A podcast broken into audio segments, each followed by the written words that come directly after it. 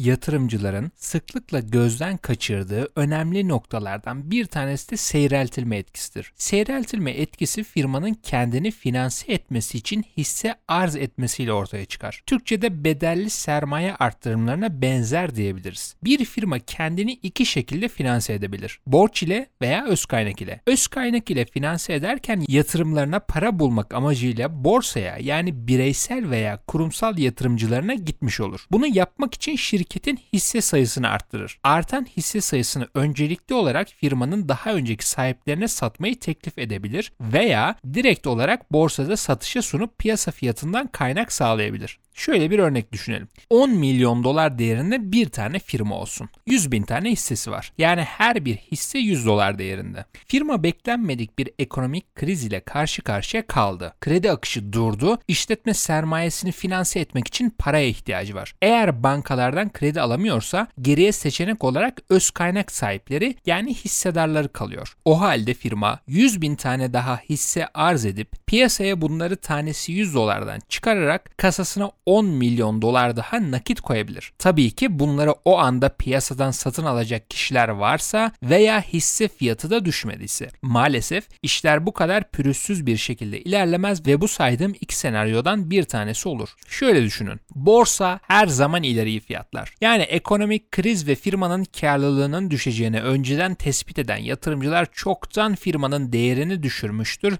ve hisselerini elden çıkarmaya başlamıştır bile. Böylece firma kendini çok daha fazla hisse satarak finanse etmek zorunda kalır. Eğer firma kendini hayatta tutmak için 10 milyon dolara ihtiyaç duyuyorsa o zaman önceki hisse fiyatına göre daha çok hisse satmak zorunda kalacak. Yani eğer hisse fiyatı 100 dolarda sabit kalsaydı 100 bin tane hisse satıp hissedarlarını %50 silerek sermaye toplayabilirdi. Eğer hisse fiyatı 50 dolara düşerse aynı 10 milyon doları toplamak için bu sefer 200 bin tane hisse satmak olmak zorunda. O halde önceki hissedarlar %77 oranında seyreltildi. Eğer hisse fiyatı 20 dolara düşerse aynı 10 milyon doları toplamak için bu sefer 500 bin tane hisse satmak zorunda. O halde önceki hissedarlar %84 oranında seyreltildi. Şöyle düşünebiliriz. Yani hisse satarak sermaye arttırımı yapıldığında firma haliyle sizin tek bir hissenize düşen karlılığı düşürüyor olacak. Normal şartlarda bir elmanın ona bölünmüş parçasından sadece bir tanesine sahipken hisse sayısı arttıkça o elma 20'ye, 30'a veya 40'a bölünmüş oluyor. Böylece her bir öz kaynak finansmanında sizin pastanızdaki payınız da düşüyor. Haliyle bu durum yatırımcı için inanılmaz dezavantajlı bir konu. Özellikle kendini öz kaynak ile finanse eden hızlı büyümeye çalışan firmalar varsa bu seyreltilme etkisi göz önünde bulundurmalıdır. Örneğin ben ortalama 75 dolardan PDD firmasına yatırım yapmadan önce bütün hisse senedi ödülleri tahvilden hisseye çevrilebilir borçlara baktım. Firma önümüzdeki 5 yıl boyunca ne kadar öz kaynak sermayesine ihtiyaç duyacak? Firmanın kendini büyütmesi için ne kadar sermaye ihtiyacı var? Piyasaya ne kadar daha hisse satacak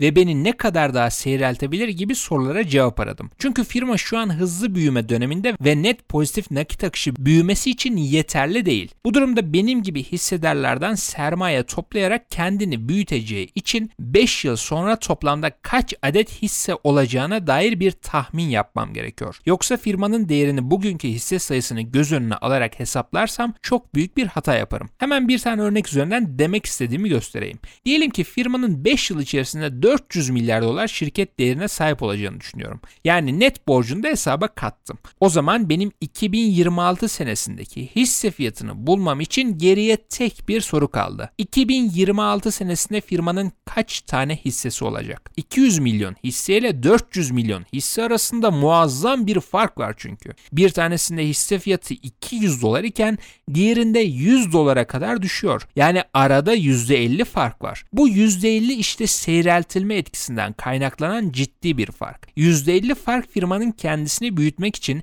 hisse satarak finansman sağladığını gösterir. Peki şimdi en önemli soruya gelelim. Bir firmanın kendini anlattığım şekilde yani öz kaynak ile finanse etmesi kötü bir şey midir? Cevap firmadan firmaya göre değişir. Öncelikle firmanın hangi fiyattan sermaye topladığı çok önemli. Eğer firmanın öz kaynak finansman maliyeti %10 civarındaysa yani benden %10 maliyetiyle para alıyor fakat %40 ile yatırım yapabileceği bir alan varsa o zaman net olarak %30 değer oluşturuyor oluşturmuş olur. Tabii ki böyle bir yatırım hem hissedarlar hem de firma için karlı olduğu için firmanın öz kaynak ile finanse edilmesi mantıklıdır. Fakat işler maalesef her zaman bu kadar rasyonel ilerlemez. Çünkü birçok CEO hisse fiyatı çok yüksek olduğunda hisse geri alımı ile nakit pozisyonunu boşa harcar. Harcadığı düşük nakit pozisyonu ile krize girdiğinizde elinizde kendinizi finanse edecek para kalmadığı için tam zamansız bir şekilde hisse satmaya başlarsınız. Yani olabilecek en kötü zamanda hisse satarak aşırı yüksek maliyet ile öz kaynak finansmanı yapmış olursunuz. Böyle bir durumda aynı bankadan çok yüksek bir faiz ile kredi çekiyormuşsunuz gibi öz kaynak finansmanınızın da pahalı olmasından dolayı hissedarlara zarar vermiş olursunuz.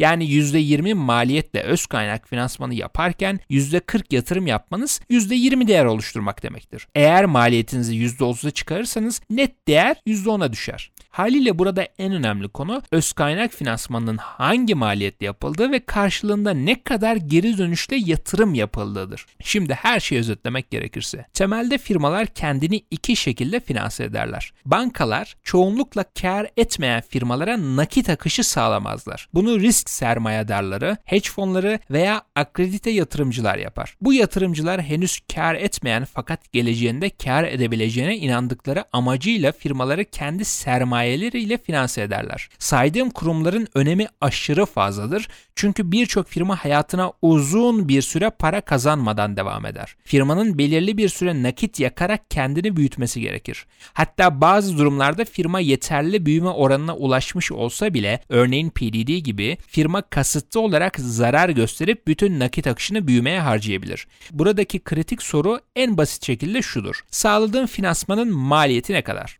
Aldığım bu kaynağı ne kadar geri dönüşle yatırıyorum. Çünkü temelde bizim bu firmayı finanse etmemizin tek bir amacı var. Yatırdığımız nakitten daha yüksek bir geri dönüş ile paramızı geri alacağımızı düşünmemiz. Yani burada CEO'nun para yönetim kabiliyeti hayati önem arz ediyor. Eğer firma benden %20 maliyet ile finansman alıp bunu %120 ile yatırabiliyorsa o zaman ben böyle bir firmanın hissesini almayı tabii ki de tercih ederim. Çünkü firma henüz kar etmese de benim şirketteki pozisyonumu seyreltse bile net olarak daha fazla değer oluşturduğu için ben daha karlı çıkarım. Yani altında basit bir matematik var. Fakat bu matematiksel olarak basit olsa da insan duyguları sebebiyle sürekli rasyonel şekilde çalışmaz. Özellikle boğa piyasasının son dönemlerinde artan hisse fiyatları ve yatırımcıların kısa süreli odaklanması firmaları aşırı hisse geri alımına teşvik eder. Bu baskıya yenik düşen CEO firmanın hisselerini gereksiz seviyede yüksek fiyatlardan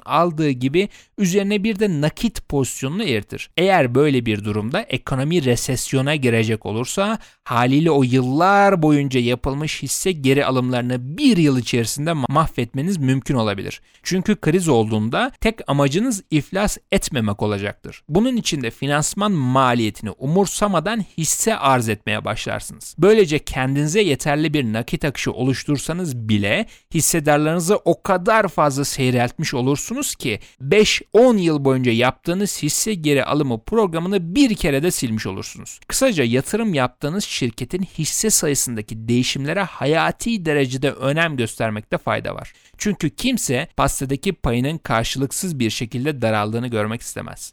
Benim portföyüme erişim sağlamak için yıllık ve çeyreklik rapor yorumlarını okumak, soru cevap videolarını izlemek için Patreon'dan takip etmeyi unutmayın. Kendinize iyi bakın. Görüşürüz.